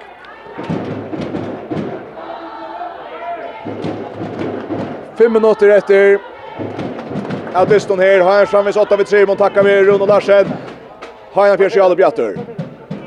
Maria Veje in i mål så till högre. Här löser Grese för att han jackar skorar. 26 22 till Hein Åkers. Så lever där åter Najsan Nish. Och var Shagariasen förstekar bara någon. Och nu frukast till Najsan Nish. Tujen gånger. Har jag försökt av i fyra. Färre, färre än fem minuter efter. Och Najsan Nish ska alltså vinna vid två mål och Malon. Ta skettnas tajmon. Detta ser gott ut, detta ser gott ut, detta ser gott ut. Najsan Nish i alla bjattor. Det är bra i mitt fyra. Och på shot innan strikna. Pettersson läser kvänt där han. Hinner på han. Hinner på han vid frukaste. Men tog en gång till. Har fjärs fyrmånen. Har en fjärs hever fyrmånen av tog Gonkur hinner hava skont, här ölja skont. Där röda från Kronje, lägga tröst in efter. Så mitt fyra blod ölja cross där, kasta bollen där får Akra Pettersson stämma jukten och där skora. Där skåra. här fyra mot 30. Har han försökt av 3 mål nu. 26 tror ju. 5 mot Rush, 1 mot Shamalakt og færre fyra mot etter. Enda da ja, i tvær altså skulle det etnast nice nisa vinna vi einon her i dag, Så vi det här som för vi är. Nej, så ni ska vinna vid två mån till. Där rycker sig upp En stäng ut av alla mål som Hajanfjärs har gjort. Men Hajanfjärs är ner. Här var det ett kors hand till att vinna det. Där framme vid tre mån. Halva fjärde mot rätter. Janna mitt upp Björn. Och man skjuter och så blir det brottskast och en utvisning.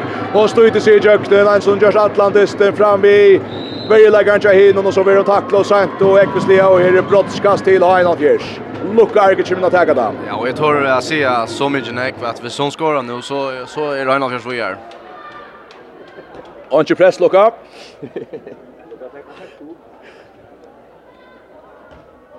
Skor i öla samfram till Janne, nu rör hon sig att i är Mattiasson och Nutja Malvian, Nett Elkovic, Höttefist, så skjuter och skorar! Så samfram så tryggt, harskt fram i stuttebeinen, helt om all i målåttet. 22-23 til Heina Fjers. Tjej och tjo och tro tjo till Hajna Fjärs. Hajna Fjärs stöder mot räddan i Robacop Sikre. Goer, Sutchen och Zetra Laika. Nice han är Sialope. Monia Samuel kan fjärra borster nu. Där röjna korsen ner i Jalopnon.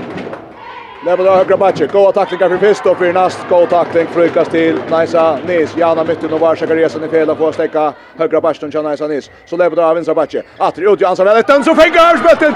Jana mitten för typ platta med fram. Och nu Pura Leis ensam att hålla med och så skorar hon till 8-20 och 3-20. Hajna Bjärsvild. Jag vinner sig chess Och i fjärringsfinalen i EHF European Cup om halvan 3 minuter. Ja, men mitt hon skorar sitt åttande mål här. Nu så dock vi av vänjarna för att skifta något snägg ut så då till låna och lägger in. Innan själva pura för nu åter. Väkors mål från Minich Timon nummer 9. Skorar sitt fjärde mål idag. Velkovic Edron. Verio Lesund. Sergio i köksbrottsspelen här och Lakenkade. Och så skiftar han från centrum ut att det Där är Karina som kommer in. Karina Estertun Ropersen och så kommer Eva Barba Arke in av vänstra vång. Vi är sådär sin tarva skia här detta kappgrare. Karina, kipa spel, så vi är Jano. Så allt det högra backer, Löjvi Jökten och skorar till Nuccio och Poirot. Nuccio och Poirot till Haila Fjärs. Faljen varm minuter efter, Faljen varm minuter efter. Om halva annan minut kan Haila Fjärs ändaliga stäfesta sig som låtägare i fjåringsfinalen och i SR-Europeiska kappingsnäm. Borre som avrik. Och det är bara drar till Nice Anis. Läckar bresten höra sig i hötten i Holse 4 och han för känt någon. Nice Anis. Örskymla här. Där check inte. Måste han och stärsk. Och det är bara drar till. Tagolo. Fra vinstra batje. Till runkande läckar brästen fra Heimanfjölten i hötten i Holse. Nej bara från vänster. sån bulten sitter det så Jan om fänkan då hinner på Fältron korsning så hade plats ut i vänstra vånget till Jeda framåt vägen och där skora 25 just en minut efter av European Cup åttonde parsfinalen efter detta skall Hainan Fjärs och i fjärdingsfinalen där måste de ropa starkare men det har jag sagt för jag för så reises Hötlen og Holse og Kjevdekka Brester til. Till dessa gentlemen. Så lägger på Karina mitt fyra finner Jan och Jan pressar ut mot i högre. Inga Marie kommer in här. Inga Maria Johansson finner Karina Robertsen. Janna mitt och mitt fyra. Så Karina Attor. Janna mitt och Inga Maria Pura Frö! Inga Maria Johansson till 3-2-25 till Heinafjärs. Bäckorsdal och från Heinafjärs, en av fyr. 15 sekunder efter. Nice Anis, Jalo Bjattor. Innan strikna, där fänga väl. Här som får stäcka. 8 sekunder efter i värsta för att hägla frukaste. Fajan Fjärs, fyra vinnarna desto nu med bra helt fast sekunder för skjuta där från skåra i sista sekunder. Beinles frukaste runt och värre. Tändar 3-2, 6 och 20. 35 20. 36 20. 36 20. Ja, sen så här kolla. 30-26 til H1-Alfjers, og i måte ZRK, Neisa, Nis, 9-3, 4-3, Sjamalagt etter Tværtister. Det enda er 9-3, 8-3 til H1-Alfjers, nirjo Nis, og Serbia, her i Høpne Holse, er det enda 30-26 til Neisa, Nis, Malchitaner, Tja, H1-Alfjers, var det så leis i det, Varsjaka Resen skår 2 mal, Maria Veie skår 2 mal, Brynund Possetter skår et 3 mal, Inga Maria Johansen skår et 1 mal, Louis Zakariasen 3 mål, Janbo Olsen 6 mål, Uri Bådetraborg 1 mål, Sara Jakobsen 1 mål, Luka Arke 2 mål, Jana Mittun 8 mål. Heina Fjärs i fjörningsfinalen om Andreas Wistberg att det är spurten tog om att se Robocop från eh Samer, se från Robocop Samer. Nej, jag vet inte själva vänta. Nej, det kan man bara säga, men alltså det ska ju sen vilken gång det för in öliga, som så öliga blunter som så i själva ansiktet vi kan förstöja Linda för att möta Vera och Det var lätt grött för för mig ganska tar vi så då första dysten att okej okay, alla lige kunde göra för så gott skulle vinna. Så mötte där någon svensk kunde lige som också okej nu var det trubbel men men tapp gjorde bara tapp gjorde smöra att helva där att han första dysten och ja det är öla öla flott. Ja, det var ganska bra. Tänka där till att komma gänga fram i Bornchoken här. Att han för Oscar Plossen. Så för att få reaktioner gärna. Fröjen och inte ta fel av ett risa sig själv gatt från Highland först. Här måste vi bara se. Och där var ju så Lena så är så spelar allt på allt och där var så manslands inte någon sväkt Andreas. Ja, och att det är man kan säga att det är störst för förskan klubbhandboll där ni att har att att att vi har Lee som som färre ut att spela nu och och klara sig väl och visa att det blir väl till och att så i förskan dalten är en fin och stöj.